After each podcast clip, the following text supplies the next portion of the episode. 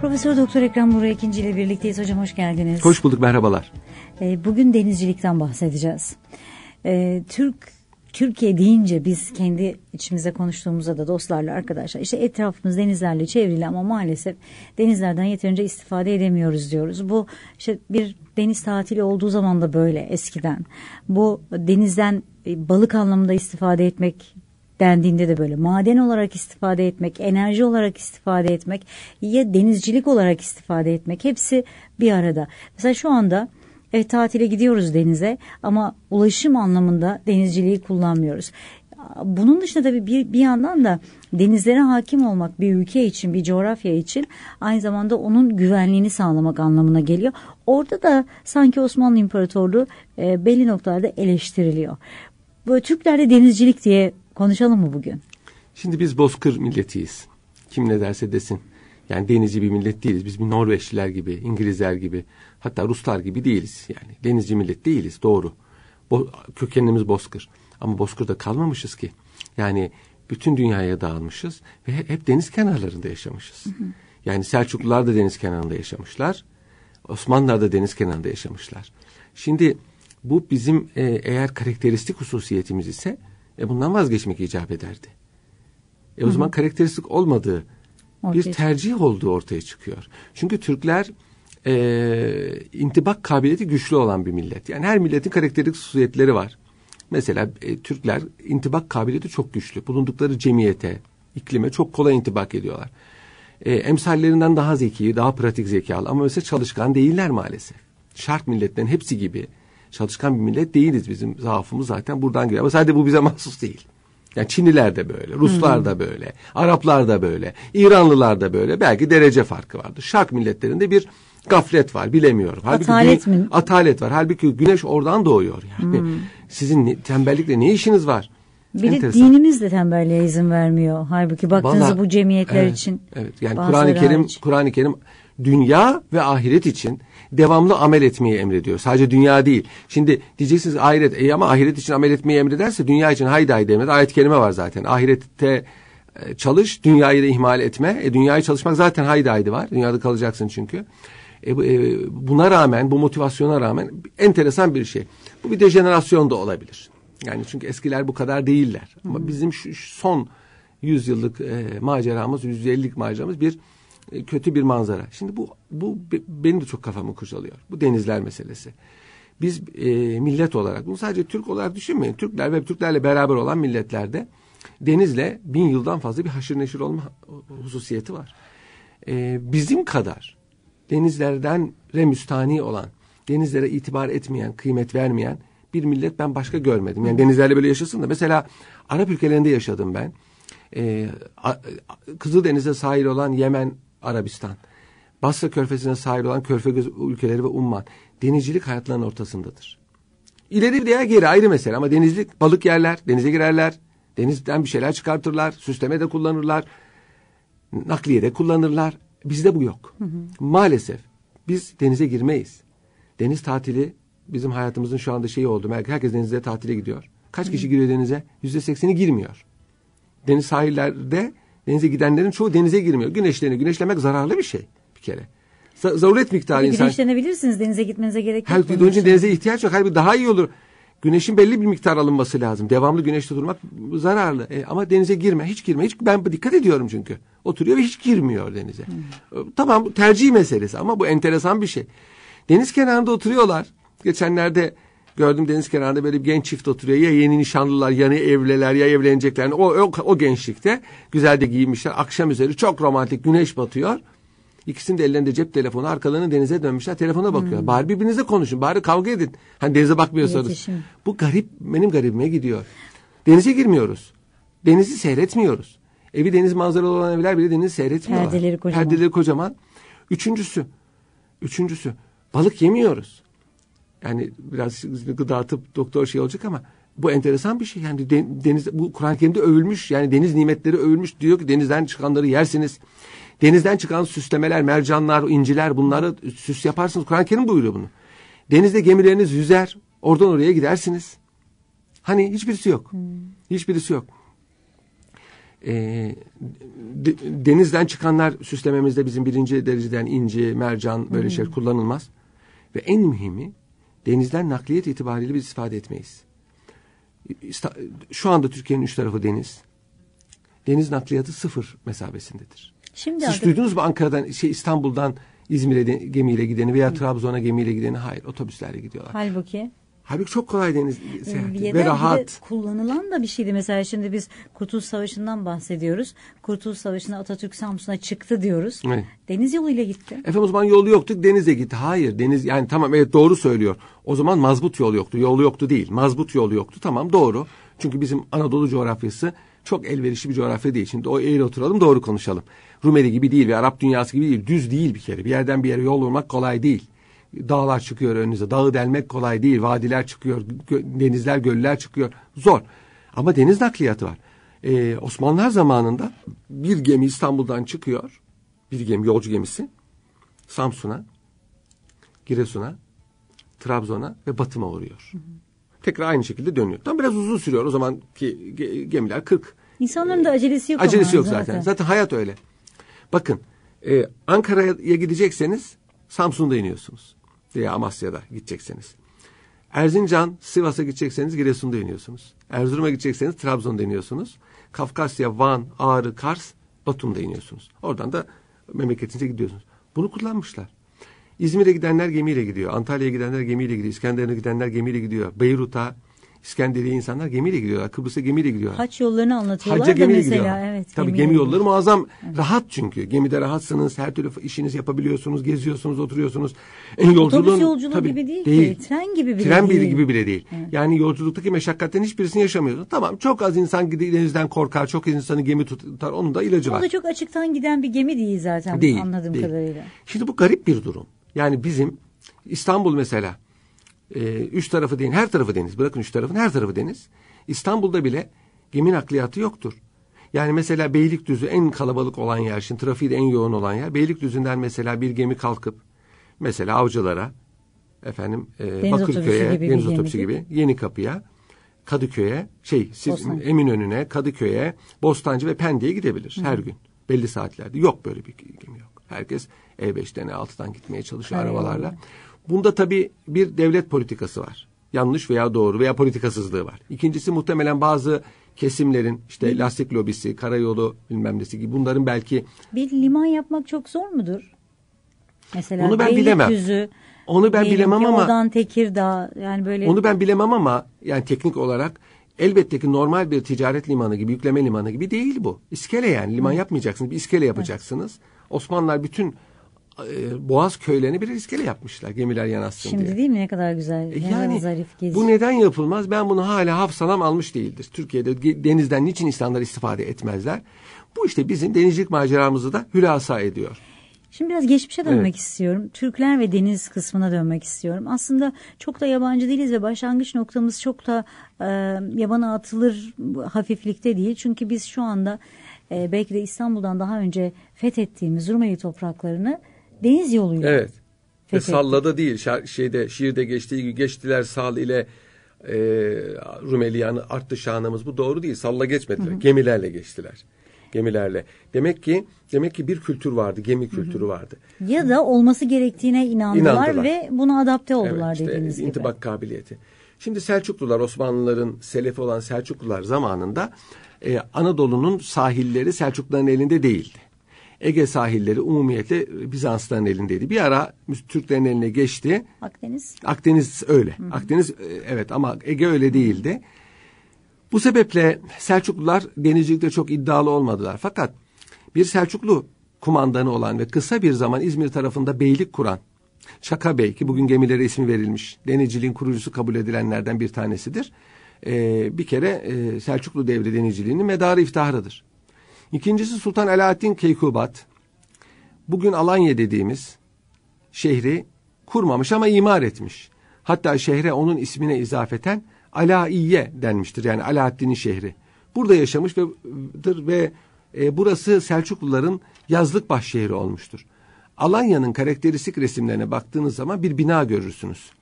O bina Alaaddin Keykubat'ın yaptırdığı tersanedir.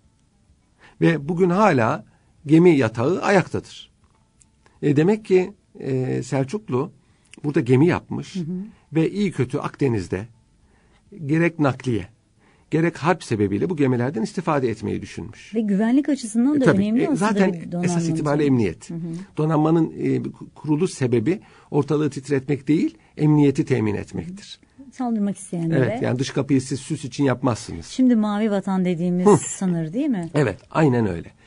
Şimdi Selçuklulara e, halef olan iki tane, üç tane devlet var. Bunlardan biri Osmanlılar, bir Karabeyliği, ikincisi Aydınoğulları, üçüncüsü Karesioğulları. Bunların ikisi Denizci Beyli, beyler. Menteşeoğulları da var. Bu üçü Karesioğulları, Menteşeoğulları, Aydınoğulları. Menteşeoğulları bugünkü Muğla, Karya havalisine hakimlerdi. Antalya'ya kadar. Antalya'da Teke Beyliği vardı.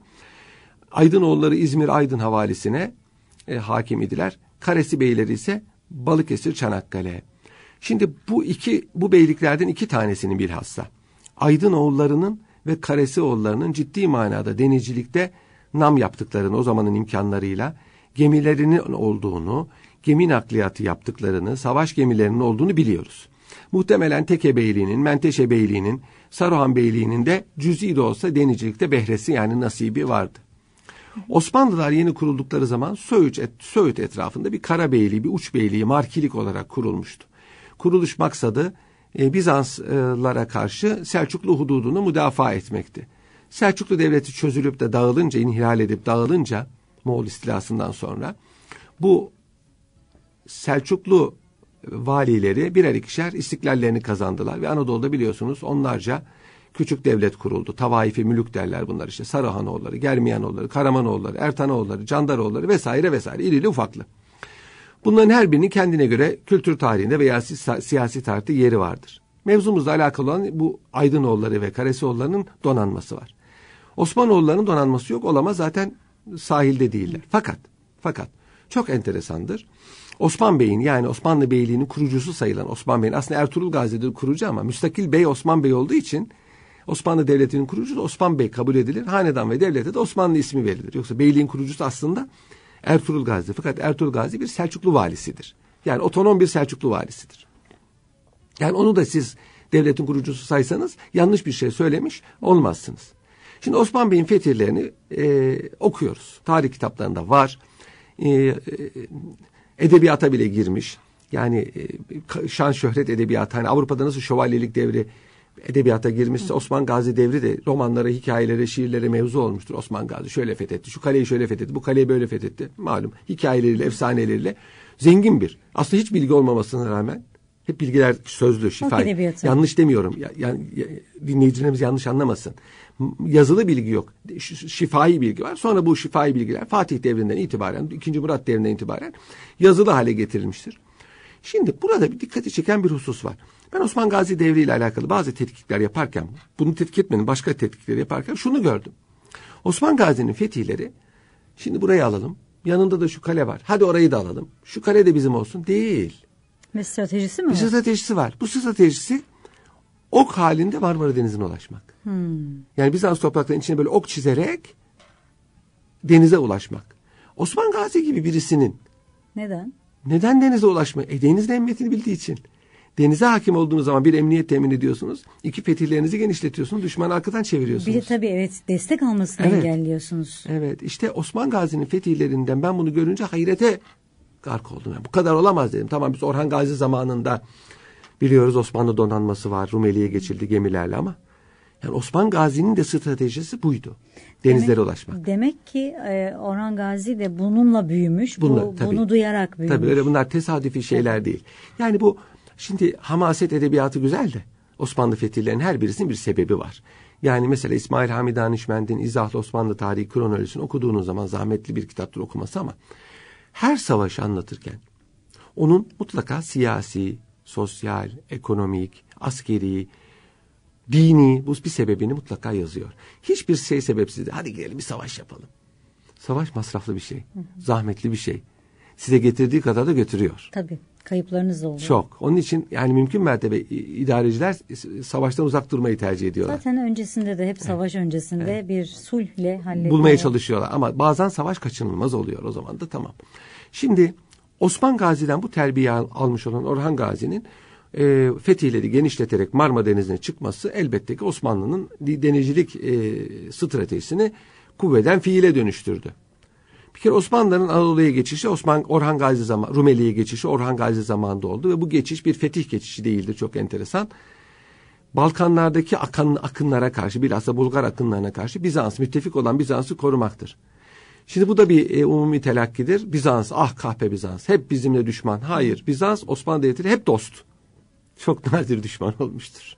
Karşı karşıya gelene kadar. Evet Osmanlı tarihinde her zaman Bizans'la e, samimi olmasa bile dostane münasebetler takip edilmiştir. Hatta kız alıp verilmiş. Kız alınmış. Orhan Gazi'nin iki hanımı Bizans İmparatorluğu'nun kızlarıdır. Yani Murat Hüdavendigar'ın anneleri sadece o değil. Ondan sonra da var. Rehine şehzadeler var. Devamlı mesela Orhan Gazi devri o kadar enteresan ki Bizanslılar hep dost. Kayınpederinin yanına gidiyor. Kayınpeder ona, ondan beraber ava çıkıyorlar. Kız kulesinde yemek yiyorlar. Bugünkü e, e, Çamlıca ormanlarında avlanıyorlar beraber kayınpeder damat. Yani, İstanbul'u görüyor. İstanbul'da görüyor. Böyle bir Üsküdar zaten fethediliyor. Hı. Şimdi böyle bir devirden bahsediyoruz. Bizanslara yardım etmek için Rumeli'ye geçiliyor. Şimdi şiirde geçtiler Rumeli'ye işte Salile deyince sanki sal yapmışlar da onunla geçmişler. Böyle tarihlerde de böyle Acaba anlatılıyor. Saldan kastı belki de gemiydi. Evet, gemiydi. Gemiydi. Çok önemsememişler. Çünkü orada maksat oraya geçişin hikaye edilmesiydi. Tablo bile var hatta. Şeyin zannediyorum Kapı Dağlı'nın bir tablosu var. Gazi Süleyman Paşa'yı yani Murat Hüdavendigar'ın oğlu ve veliahtı Gazi Süleyman Paşa ki Bolayır'da o şehit düşmüştür, vefat etmiştir. Böyle saldı arkasında yiğitleriyle beraber e, Çanakkale Boğazı'nı geçerken tasvir edilmiş bir resim var. Halbuki tarihlerden biliyoruz ki e, Orhan Gazi zamanında Osmanlı Türklerinin Rumeli'ye geçişi gemilerle oldu. Bu gemiler nereden edildi? Bu gemiler nereden edildi? Şimdi Karesi Beyliği, Balıkesir'deki Karesi Beyliği Osmanlılar tarafından fethedildi. Fethedilince Osmanlılar bir kere onların donanmasına varis oldular. Ve Karesi Beyliği'nin elindeki Edincik, bugünkü Erdek yakınlarındaki Edincik'te Belkıs eski antik şehrinin yakınında çok eski bir şehirdi. Araplar zamanında bile var orası çok korunaklı bir yer. Araplar bile orada şey kurmuşlar Emeviler, tersane kurmuşlar, hafif tersane. Orada bir tersane kurdular. Ama Osmanlıların ilk tersanesi bu değil. İlki Karamürsel'de. Karamürsel de zaten bugün bile denizciliğin e, merkezlerinden biri sayılır. Askeri birlikler vardır. Karamürsel Bey e, Bey'in gemiciliğinden bahsedilir. İlk Osmanlı tersanesi Karamürsel'de. Sonra Edincik'te, sonra İzmit'in fethiyle İzmit'te, arkasından Gelibolu'nun fethiyle Gelibolu'da kuruldu. Rumeli'ye geçildi. Bu gemiler bir, Osmanlıların kendi gemileriydi. Kendi yaptıkları gemiler. Yetmedi. Karesi Beyliği'nden tevarüs edilen miras kalan gemilerde bunlar da yetmedi. Cenevizlilerden gemi kiralandı o zaman. Cenevizliler hakim oralarda küçük küçük şeyleri var onların çanda falan var. Kolonileri var ticaret kolonileri. Parayla kiraladılar düşün gemilerle geçtiler yani. Evet. Hafif gemiler bunlar ama yani ama gemilerle geçtiler. Binaenaleyh bu Rumeli'ye geçiş Osmanlıların denizciliğinde enteresan bir hadisedir ve zaten Güney ve Doğu Marmara tamamen artık Osmanlı gemilerin hakimiyeti altındaydı Orhan Gazi zamanında. Fetih'ten önce de aslında gidiyorlardı tabii, değil mi? Tabii gidiyorlardı. Şey, tabii elbette. Böyle gidiyorlardı. Bak, e, şey, Böylece artık yurt edindiler. Yani Rumeli'ye geçtiler.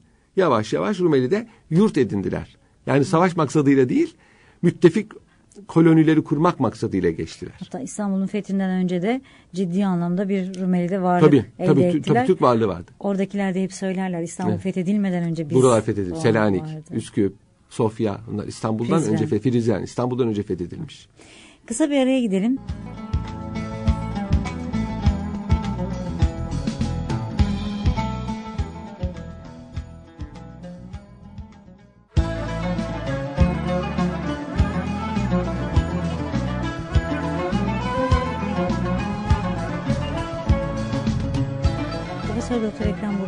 İle sohbetimiz devam ediyor. Aslında Osmanlıların bir donanmayla ne yapılabileceğini, ne kadar işlevsel olduğunu ilk anlamaları da bu galiba bu Rumeli fetihleri evet, değil mi? Evet Rumeli'ye yani geminin geçiş. stratejik ehemmiyetini Osmanlılar anladılar. Hı hı. Yani bu e, elinde kılıç üzerinde zırh ve kalkanla düşmanla savaşırsınız. Evet zafer e, piyadenin süngüsü ucundadır tamam bir yeri fethettiğin zaman oraya gitmezsen kıymeti yok ama gemilerin ne kadar emniyetli olduğunu Osman Gazi teorik olarak hı hı. anlamıştı. Orhan Gazi bunu pratiğe döktü. Ondan sonra Gelibolu e, sancağı çok emniyet kazandı. Kaptanpaşa eyaleti derler buraya. Kaptanpaşa'ya verilmiştir. Kaptanpaşa umumiyette orada oturur. Ve Osmanlılar artık yükselme devrinde çok ciddi bir donanma sahibi oldular. Bu donanmanın subaylarını yetiştirdiler.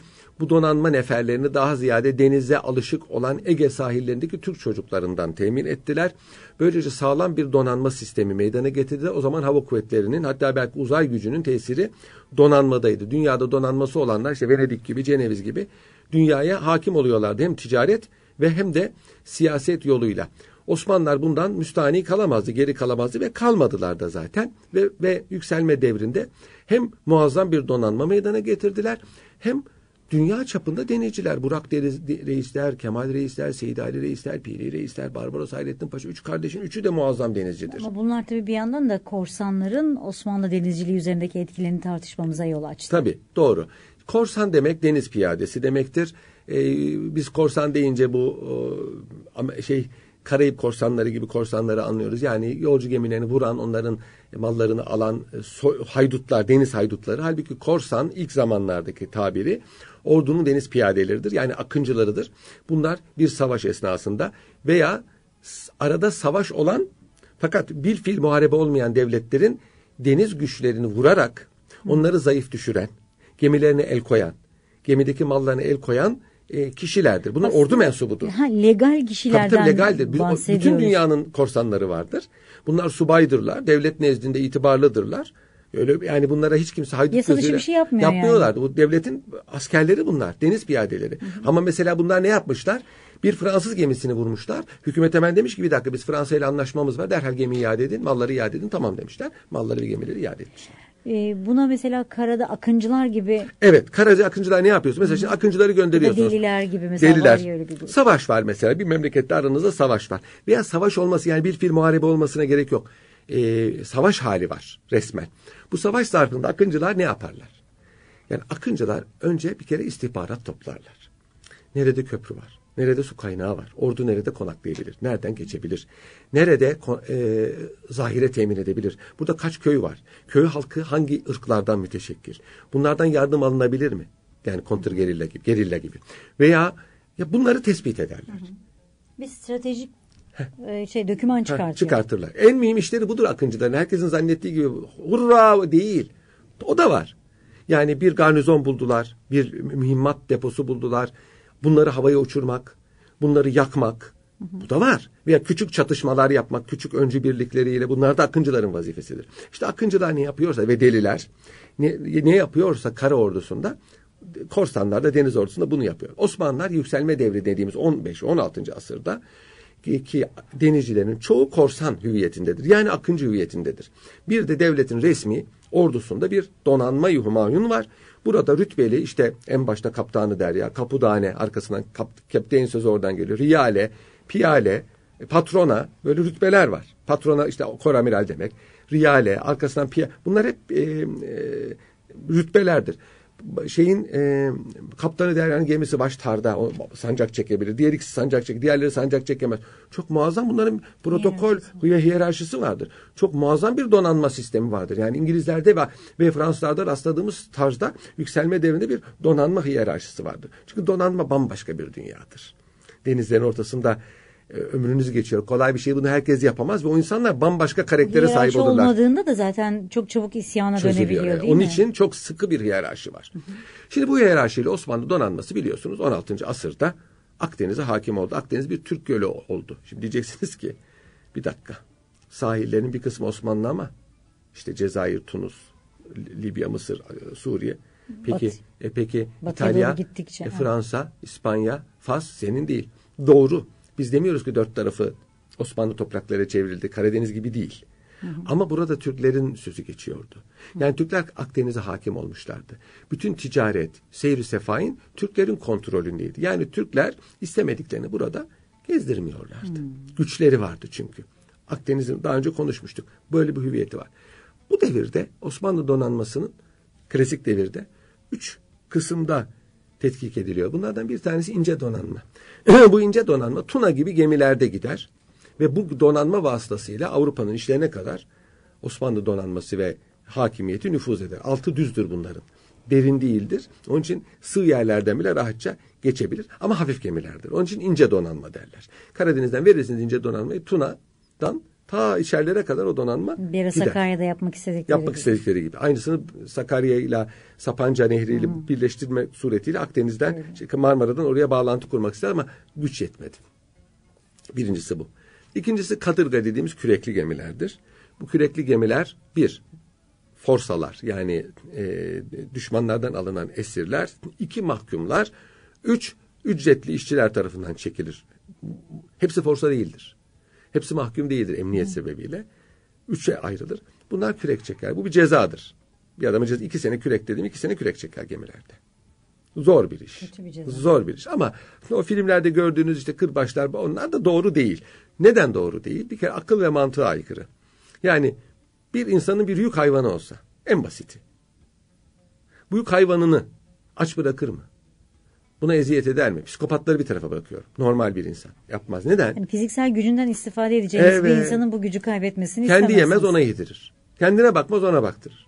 Peki bugün bir köle olduğunu düşünün veya bir kürekçi olduğunu daha çok yapar. Neden? Çünkü onun güçten düşmesi, moralinin bozulması, aç kalması kendi işini bozar. En basit şeyle insaniyeti bir tarafa bırakalım. Onun için filmlerde gördüğünüz o şeyler tabii ki o çok zor hayatı e, dramatize eden sahnelerdir. Öyle değil yani forsaların hayatı öyle değil. Acıklı değil. Zaten hayat acıklı ama o işkenceler, kırbaçlar falan yok. Ama bir e, korku ve devamlı bir emniyet hissi var. Kadır, ayıklanabilirler. Var bence biraz var, da onlarda da onlarda da.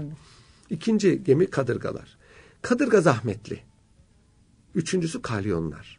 Kalyonlar yelkenle çalışan ambarlı gemiler. Bilhassa nakliye için çok elverişli, çok süratli ama rüzgara bağlı olduğunuz için de pratik değil. Kadırgalar öyle değil. Bu üç tür gemisi var Osmanlıların klasik devirde. Ve bununla muazzam bir hakimiyeti var bütün dünyada. Ve bu donanma düşününüz sadece Akdeniz'de değil Hint okyanusunda bile iyi kötü bir hakimiyet kurmuştur. Dörtten ziyade Hint seferi vardır. Bu Hint seferi Hindistan dediğimiz ama aslında bugünkü Endonezya ve Malezya'nın da içinde olduğu mıntıkalardaki Müslümanların Osmanlı halifesinden. Yavuz Sultan Selim, Kanuni Sultan Süleyman, Sultan II. Selim, Sultan III. Murat uzun zaman bir şey yardım istemesi Portekizlilere ve Hollandalılara sömürgecilere karşı yardım istemenin neticesinde oraya gönderilen gemiler bunlar orada Portekiz ve Hollanda e, istilasını önlemişler. Bir kısmı orada yerleşmiş kalmış halkı askerliğe talim ettirmiş. Bir kısmı orada evlenip kalmışlar ve bugün torunları orada yaşıyorlar. Bir kısmı geri dönmüşler. İşte bunlardan bir tanesi o Piri Reis'tir. Piri Reis oradan dönerken büyük bir fırtınaya uğradı. Gemisi, gemilerini Basra Körfezi'ne bırakıp kendisi hazine gemisiyle Mısır'a geldi. Bu ise Osmanlı hükümeti tarafından çok e, büyük reaksiyonla karşılaştı. Bugün bile insanların anlamadığı ve Piri Reis'i acıdığı bir husus denizciliği bilmemekten kaynaklanıyor. Denizcilikte gemi kaptanın namusu demektir. Bir kaptan asla gemisini bırakmaz. Bu söz ama hala Tabir yaşıyor. nedir? En son, Gemiyi en son kaptan. kaptan terk eder. Onun için Piri Reis'in bu hareketi gemicilik namusuna aykırı e, görülmüş ve Piri Reis e, çok yazıktır ki idam edilmiştir. Çok yazıktır. Başka sebepler de var ama idam edilmiştir. Buradaki Türk denizciliğinde ahlaki kaideleri de gösteriyor. Yani gemi bir namustur ve itaat her şey demektir. Onun için Osmanlılar işte yükselme devrinde sadece Akdeniz'e değil Karadeniz zaten açık denizlere hakim oldular. Fakat çok tenkit edilen bir şey var. Onu söyleyelim. Sonra e, son zamanlara geçelim. Osmanlılar için keşifler yapmadılar? Tam da Piri Reis'ten bahsederken. Evet. Osmanlılar İzlanda'ya kadar gittiler. Bununla alakalı vesikalarımız var. İngiltere'ye kadar gittiler. Osmanlı denizcileri. E, İngiltere'nin Galler mıntıkasını, Cornwall mıntıkasını, İzlanda'yı vurdular. Oralara kadar gittiler. Fakat kalmadılar. Niçin kalmadılar? Dünyadan haberdar olmadıkları için değil elbette muhtemelen daha çok haberdarlardı. Diğerlerinden. Şimdi bir şey yapmak için e, bir altyapı lazım. Neden kendinize son model bir araba almıyorsunuz? E, param yoktu onun için. Bu kadar basit. Osmanlıların açık denizlere çıkması, coğrafi keşiflere katılması imkanı yok. Çünkü açık denizlere çıkan, çıktığınız zaman bir kere e, harp halinde olduğunuz memleketler var. Sizin aktarma yapabileceğiniz limanlarınız olması lazım. Nerede o limanlar? O limanlar elinizde yok. Olmadığı zaman siz e, o kadar uzak bir mesafeye gidemezsiniz. Gidemezsiniz. Bu facia ile neticelenir. Bir de şimdi doğu, ya batıdan doğuya doğru diyelim ki İngilizleri, Portekizlileri, e, İspanyolları, İtalyanları göz önünde bulunduralım. Hep ekonomik olarak kendilerinden daha aşağı seviyedeki ülkelere doğru gitmişler Tabii. ve işleri orada hep kolay olmuş. Kolay olmuş. Tabii bu da var. Sömürgeleştirmek de kolay olmuş, gitmek de kolay Tabii. olmuş. Şimdi Türkiye için de Osmanlı için sözünü ettiğiniz rota aslında çok da uygun bir rota değil, Değil, zaten. Yani değil. bu bile aslında mantığa Değil. aykırı. Rota bir kere rota bir kere mantıklı değil. Hatta bakın İtalya bile Türkiye ile aynı kaderde olduğu için coğrafi keşiflere fazla katılmadı. Coğrafi keşiflere katılanlar biliyorsunuz İspanya, Portekiz, Hollanda, İngiltere olmuştu peş peşe ve biraz da Fransızlar. Mesela onlar bu içeride kaldığı için onlar Akdeniz'e ehemmiyet verdiler. Bu bir, bu bir tenkit edilebilir. Yani Osmanlılar da İtalyanların hatasına düştüler. Bütün dünyayı Akdeniz'den ibaret kabul ettiler. Bunun dışındaki dünyaya kıymet vermediler. Oradan gelecek ne olacak? Buradan daha çok geliyor dediler. Haklılık payı var o zaman için. Bu bir ileri görüşsüzlük mü? Burası tartışılır. Birincisi gerek rota gerek ikmal yolları itibariyle Osmanlı'nın böyle bir avantajı yoktu. İkincisi Avrupalılar keşif, yol keşfetmek istediler onlar. Yani e, coğrafi keşiflerin sebebi Osmanlıların Müslümanların hakim olduğu mıntıkalardan geçmemekti. Bypass yapmak. Bypass yapmaktı. Bunun için coğrafi keşifler tesadüfendi. Avrupalıların çok ileri görüşlü oldukları buralarda neler var çok merak ediyoruz. Dünyayı keşfedelim diye değil. Yeni yollar bulalım içinde. Mecburiyetti biraz. Yeni yolları bulurken yeni kıtalar buldular. Ondan sonra ne dediler? Biz buraları Sömürelim. sömürelim, dediler. Sonra bu sömürgeciliğe bir kılıf bulmak için ne dediler? Bunlar bizden geriler. Biz bunları medenileştirmek için buradayız. İyi ki buradayız. Bizi Tanrı bu vazifeyi verdi. Biz buraya gelmeseydik bunlar ne olurdu bu insanlar? Tabii. işi. Çepsi çiçekten öldüler. Ne, bir, nasıl öleceklerdi falan gibi yani. Şimdi bu burası ayrı bir mesele. Bir e, tartışırsınız. Doğru değildir, doğrudur. O ayrı bir mesele. Fakat Osmanlılar'da sömürgecilik yok. Böyle bir kültür yok. Yani şimdi tam da onu söylemeye hazırlanıyordum. Yani gitseydik de buraya, burayı sömürmeyeceğimiz için dünya Evet. tarihi bambaşka bir şey olurdu Gide, herhalde. gidemezdiniz, gitseniz de duramazdınız. Çünkü orayı sömürgeleştirmediğiniz takdirde orada kalmak çok maliyetlidir. Yani İngilizler işgal ettikleri mıntıkalardan niçin çekildiler? Mesela İstanbul'da niye çekildi İngilizler? Irak'tan niye çekildiler? Arabistan'dan niye çekildiler? Mısır'dan niye çekildiler? Maliyetli olduğu için. İngiliz raporlarını okuyun. İş- İşgal İstanbul'unda Bilge Kris bunu neşretti. Her günü bilmem kaç milyon sterlin. Hükümet kıvranıyor. Daha niye duruyorsunuz orada? Bir an evvel terk edin diyor. Bırakın diyor. Kemalistler alsınlar İstanbul'u diyor. Bize her gün şu kadar masrafı var diyor. Bunlar hep yazışmalı. Irak'ı bırakın diyor. Irak diyor. Günü şu kadar bize maliyeti. Yani bunlar kolay şeyler Bunu değil. karşılamak lazım. Ha oradan bir şey götürüyorsanız ne hala götüremiyorsanız bu boşa giden bir para. E, Osmanlı sömürge yapmayacağına göre oraları e ne olacak o zaman bu paralar? Yatırım yapacak Yatırım oraya. yapması lazım. Yapmış nitekim Libya'ya yapmış. Libya'dan para mı geliyor? Tunus'tan para mı geliyor? Hicaz'dan para mı geliyor? Tamam stratejik ayrı bir mesele. Ya ama yatırım yapmış. Kolay bir şey değil. Yani Osmanlı'nın Osmanlı'nın bir kere yapacağı işler değil bu. Yoksa Osmanlı'nın ufkunun dar olduğundan dolayı değil. Veya donanmasının güçsüz olduğundan bu çapta e, olmadığından değil. Şimdi gelelim Tanzimat devrine. Osmanlı donanması yine her zaman güçlüydü. Ancak başka sebeplerle Avrupa'nın bu gücünü ileriye götürdüğünü biliyoruz. İngilizler mesela ada devleti olmanın avantajlarını kullandılar. Dünyanın en mühim denizci milleti oldular. Hollandalılar keza öyle. Osmanlıların onlarla baş etme imkanı ve ihtimali yoktu. Çünkü açık denizlerde onlar bir imparatorluk kurdular. Fakat Osmanlılar da 19. asırda donanmanın sadece ticaret ve nakliyede değil, emniyetteki ehemmiyetini de bildikleri için Sultan Abdül II. Mahmut düşünün buharlı geminin ilk kullanıldığı yer Türkiye'dir. Osmanlı Devleti'dir. Buharlı gemi bulunduğu zaman. Bu enteresandır. Sonra Tabii ikinci Buna Mahmut- yatkınlığını gösteriyor. Yatkınlığını mi? Zaten gösteriyor. 2. Mahmut dönemi Tabii. ayrıca bir konuşmamız Evet. gereken dönem. İkinci Mahmut sınırlı imkanlarla yeni gemiler, modern gemiler yaptırdı. Sultan Abdülmecit babasını bu mirasını devam ettirdi. Sultan Abdülaziz gibi hiç kimse olamaz. O babasının bu mirasını çok ileriye götürdü. Dünya çapında bir denizcilik meraklısıydı. Denize çok emniyet veriyordu ve Sultan Abdülaziz dünyanın üçüncü büyük donanmasını kurdu. İngiltere ve Fransa'dan sonra. Bu donanmanın kurulması çok muazzam masraflara sebebiyet verdi ve Osmanlı Devleti iflas etti. Niye donanmanız yok deyince de işte donanma olunca da böyle oluyor. Tabii bu o, Sonra ne oldu?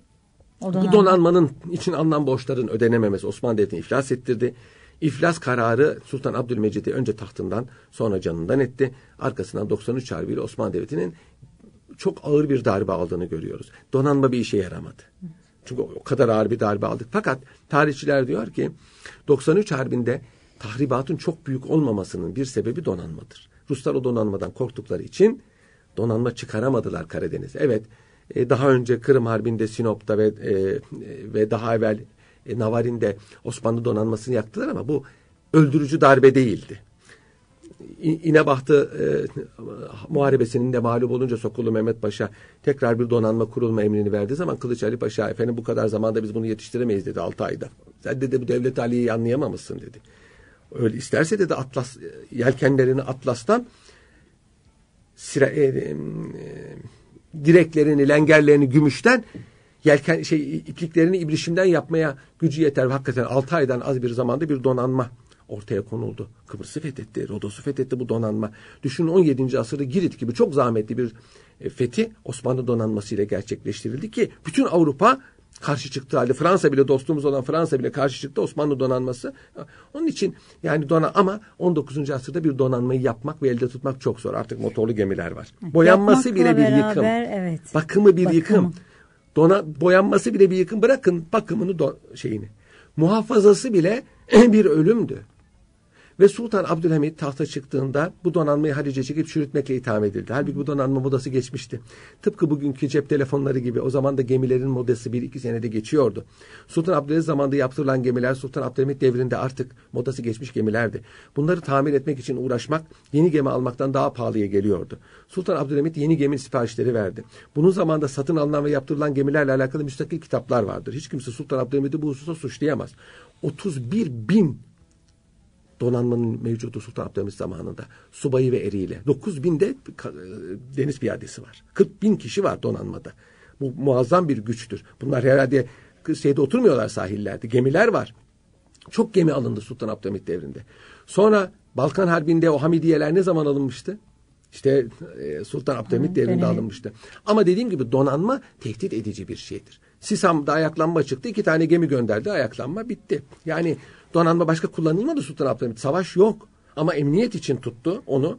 Ve ondan sonra da biliyorsunuz o, o donanma ve donanma kültürü Cumhuriyet devrine de intikal etti. Ee, şöyle bir özellikle Birinci Dünya Savaşı öncesinde yani artık Osmanlı İmparatorluğu'nun da e, süresini doldurduğu dönemlere denk geliyor. Aldığımız gemiler, bu gemilerin teslim edilmemesi, bunların bir kısmının batması, bakım çalışmalarının yapılamaması, maalesef şehitlerimizin olması ama bir taraftan da işte Çanakkale gibi Evet. e, savunmalarda, Çanakkale Savaşı'nda e, bu gemilerin kullanılması ve İngiliz gemilerini batırmaları. Savaşın çıkışı Savaşın çıkışı zaten gemilere bağlıydı.